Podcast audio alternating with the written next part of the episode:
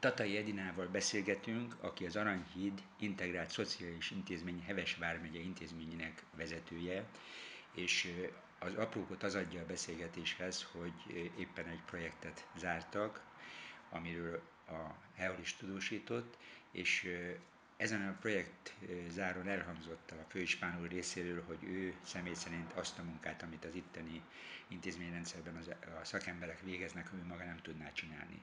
Ezért kérdezem az intézményvezető asszonyt, hogy nyilván hosszú utat megtett ezen a pályán, hogy mi vitte erre a pályára, és mi ebben a nehézség ebben a munkában.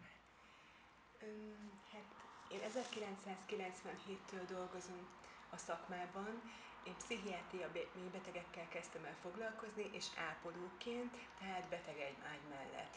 Majd vezetőként nagyon hamar megpályáztam ott egy osztályvezetői állást Füzesabonyban, és meg is kaptam, illetve 2011-től már mint ennek az egész integrált intézménynek vagyok én a vezetője. Hát, hogy mi is vitt erre rá, végül is mindig szerettem embereken segíteni, vagy úgy mondom, hogy a a barátaimon, vagy éppen a családtagjainkon, és szerintem ez volt annak az oka, hogy mindenképpen ápolónak mentem. Egészségügyi diplomám az első végzettségem, és utána az akkori intézmény vezetőinek segítségével és rábeszélésével végeztem el a szociális főiskolát is. Mm, szeretem a munkámat, nehéz a mi munkánk, mind ágy mellett, mind vezetőként, azt tudom mondani, de mindenképpen szükséges a mi hozzáállásunk, meg hogy legyenek ilyen emberek, mint mi, akik igenis kedvességgel, fogla, ö, kedvességgel fordulnak, mind a fogyatékossággal élő, mind a pszichiátria vagy szenvedélybetegek, vagy legyen az akár idős ember. Igen, az eddigiekből nyilván levehető volt, hogy foglalkozott olyanokkal, akik maguk ártottak maguknak és lettek pszichiátriai betegek, illetve foglalkozik olyanokkal, akik születésüknél fogva lettek valamilyen formában kevesebbek, vagy fogyatékkal élők. Van-e közöttük különbség? Ö, igen, a... nagyon sok különbség van közöttük. Másképpen kell egy pszichiátriai beteggel vagy szenvedélybeteggel foglalkozni, és teljesen mások a fogyatékossággal élő lakóink. Nehéz volt ezt nekem megszokni, mikor 2016-ban integrálódott az intézmény, mert a fogyatékossággal élő lakóink sokkal közvetlenebbek. Viszont a pszichiátriai betegekkel az egyik szakmai elvárás, hogy megtartjuk a három lépés távolságot.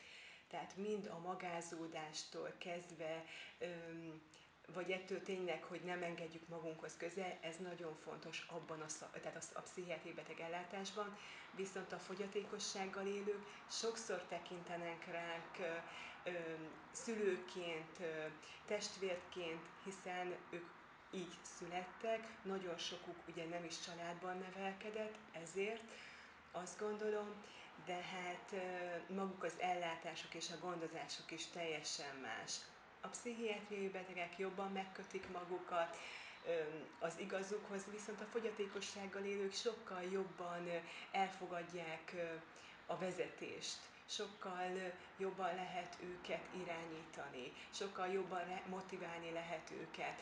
A pszichiátriai betegeket kevésbé. Igen, elhangzott ezen a projektzáron, hogy megkezdődött a kitagozás, Igen. és konkrétan a Bélapárfalvi otthont említette az igazgató úr.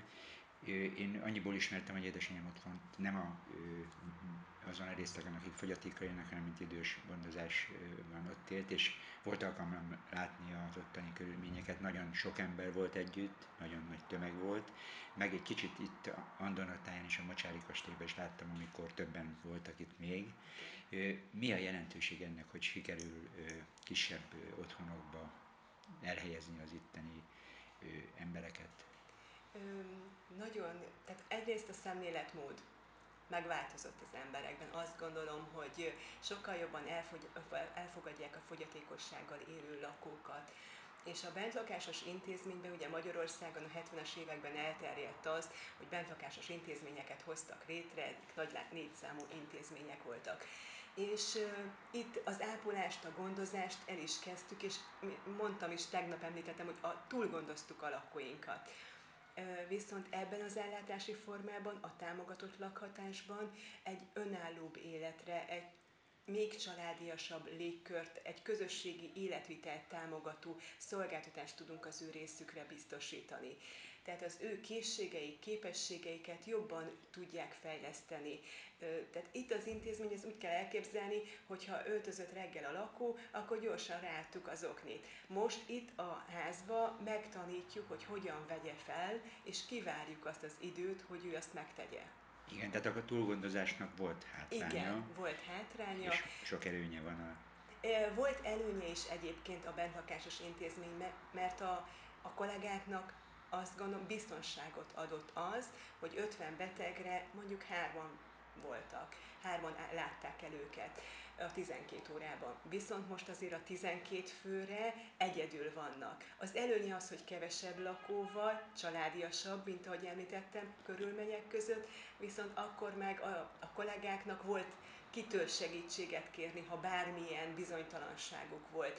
Úgyhogy, de de, de itt az elmúlt években, ahogy a, a projektet is elkezdtük, és illetve lezártuk, ők képzéseken, tréningeken vettek részt a kollégák, és a szemléletmódjuk megváltozott, és elfogadták ezt az új szolgáltatást, a támogatott lakhatást. Ha itt a kollégáknál tartunk, nyilván elsősorban a, akik közvetlenül a gondozottakkal foglalkoznak, azokat éri a legtöbb teher és nehézség, amire a főispánul is utalt, hogy hány, milyen személyzettel tudnak így dolgozni, változott-e a létszám, több ember, de nyilván nem feltételezem, hogy több emberrel kell.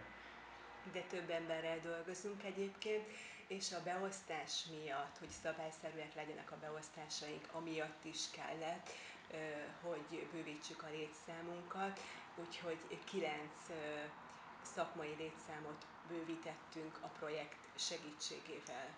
Igen, és akkor ez körülbelül, ha nem titok, hány emberrel látják el ezt az egész rendszert, ami...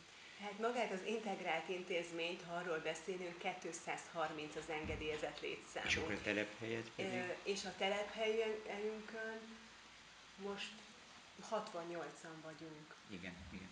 Tehát ennyi mindenképp kell ahhoz, Igen. hogy ne legyenek fennakadások. És akkor térjünk rá arra, amit mondjam így, hogy ünnepeltek tegnap, vagy Igen. zártak. Egy projekt fejeződött be, ennek a részleteiről, hogyha a hallgatókat tájékoztatná, az hát, megköszönöm. 2016-ban már elterveztük, de 17-től folyt maga a projekt, amelynek az volt a lényege, hogy egy egy szolgáltatási formát felváltson, egy másfajta szolgáltatás. Ez a fogyatékosok otthona, itt a fogyatékosok otthonában 60 fő fogyatékkal élő élt, ők ugye enyhe, súlyos vagy középsúlyos lakókról beszélünk, akiket ugye egy más szolgáltatási formát javasoltunk az ő részükre. És a lényeg az, hogy épül, építettünk 5 darab új 12 férőhelyes házat, ezek új ingatlanok, mm, ahol ugye már a szobaszám is más, mert a bentlakásos intézményben három-négy ágyas szobáink voltak, ott kint már kettő ágyas szobáink vannak. Ugye egy 210 négyzetméter alapterületű lakásokról beszélünk, és oda költöztek ők ki. Itt inga, tehát ebben a házban az ő részükre lakhatást biztosítunk, ezt így kell elképzelni, hogy úgy élnek, mint mi otthon. Viszont amikor ugye munkaidő van, nekik is munkaidő van, vagy a fejlesztő foglalkoztatásban dolgoznak, itt a szolgáltatási központban, vagy valamilyen részükre megfelelő szolgáltatás a részükre a legmegfelelőbb szolgáltatást veszik igénybe. Itt a nappali ellátás, a házi segítségnyújtás, tehát alapszolgáltatásokat biztosítunk az ő részükre. És maga a projekt arról szólt, hogy egyrészt a fogyatékosok otthonát fölválthassa a támogatott lakhatás, mint új bentlakásos ellátási forma, másrészt, hogy az alapszolgáltatásainkat bővítsük. Tehát a nappali ellátásukat például az már volt, de bővítettük 50 férőhelyre, a támogató szolgáltatás keretén belül új autót szereztünk be, annak érdekében, hogy őket tudjuk szállítani, illetve az alapszolgáltatásban újként bevezettük a házi segítségnyújtást, és a szociális étkeztetést is. De gyakorlatilag teszem azt Makláron, ő onnan, ahol lakhatást kap, Igen. kimegy a faluba, bevásárol, amikor nincs munkaidő természetesen, Igen. tehát ugyanúgy élhet, nyilván azzal együtt, hogy biztos vannak nehézségei, mint egy normálisan a társadalomban élő Igen, azzal a különbséggel élő másképpen, mint mi, hogy a házban mindig ott van egy segítség. Tehát állandó felügyeletet biztosítunk lakóink részére, nappal és éjszaka is. Igen. Érdekes lehet még az, mert ahonnan elindultunk a pszichiátriai betegek, és ott más szakmai elvárások vannak, hogy az ő esetükben az vélhetően nem lenne megoldás, hogy kiszervezni őket. Mint ahogy említettem is, teljesen mások.